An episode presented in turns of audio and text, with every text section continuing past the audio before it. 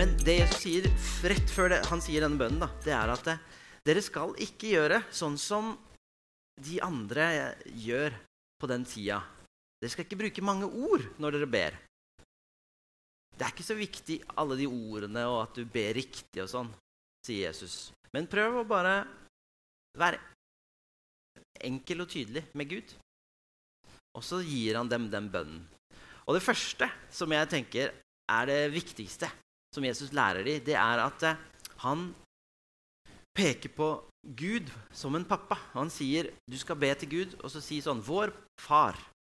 Eller på grunnteksten så står det 'pappa'. Ikke sant? Du kan si 'pappa' til Gud.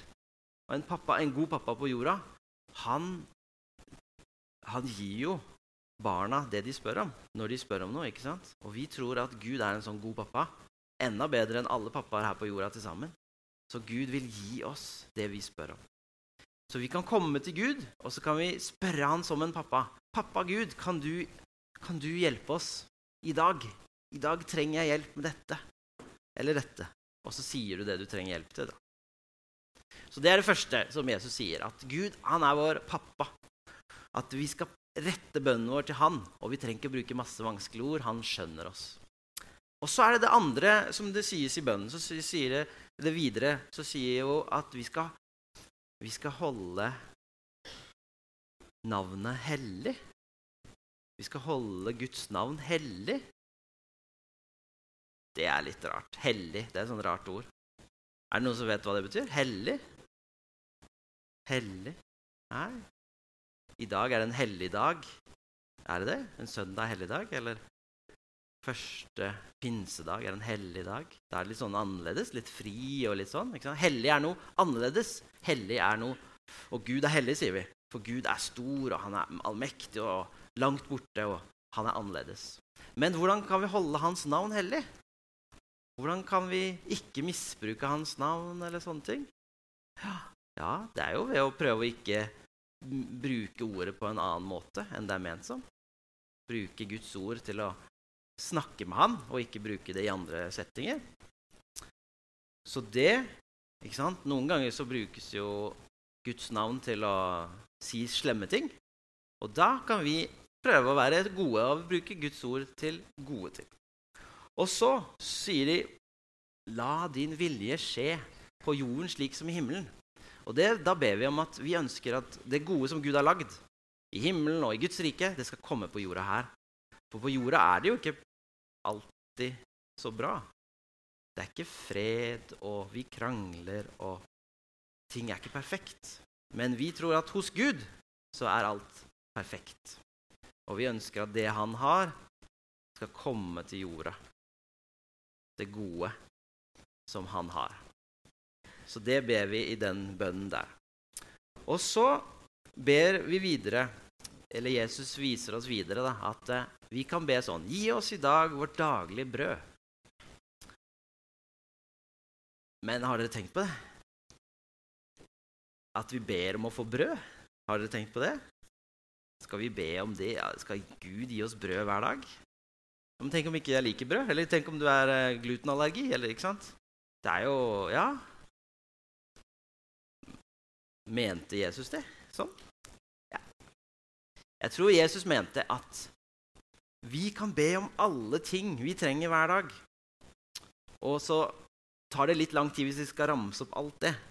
Og jeg trenger vann, jeg trenger en klem, jeg trenger at uh, gå på skole, jeg trenger Ikke sant? Det hadde tatt lang tid. Det hadde blitt en veldig lang bønn med mange ord hvis Jesus skulle nevnt alt som vi trenger.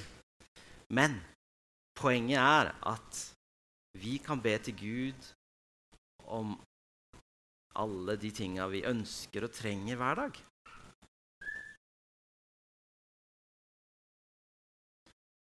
Det er poenget i den. Og så, Det andre er jo, som sies her, at vi ber om tilgivelse. At Gud tilgir oss. Vi spør Gud kan du tilgi oss, og så skal vi tilgi de andre som vi har gjort noe dumt mot. Eller hvis noen har gjort noe dumt mot oss, så skal vi tilgi de. Det ber vi også, og det er en veldig fin ting. Og at vi kan komme til Gud og be om tilgivelse. For det er sånn at jeg gjør dumme ting. mot Gud og mot mennesker og sånn. Og så kan jeg komme til Gud og be om tilgivelse.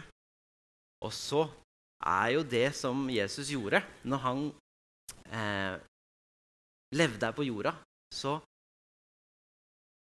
en av de, Det viktigste Jesus gjorde, det var at han døde på korset. Og tok alle mine dumme feil og alt jeg har gjort, tok han med seg opp på korset. Og så døde han der, da. Og så sto han opp igjen, og så lever han i dag. Og det betyr at han gir tilgivelse til oss. Og når jeg tror på han, så kan jeg få tilgivelse hos han.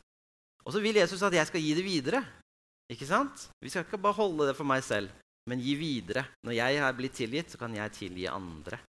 Og det ber vi om i denne bønnen vår far. Det er masse gode ting i denne bønnen. Og så den siste delen.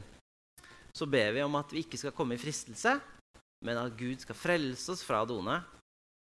Og så helt til slutt da, så er det noe som heter en doksologi. Eller det betyr en tilbedelse, da, til slutten. For riket er ditt, og makten og æren i evighet. Amen.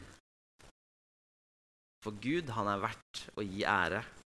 Han er verdt å takke og, og hylle han. Så til slutt i bønnen så, så, sier vi det til Gud, da. At vi ærer han. Og det kan se forskjellig ut i våre liv.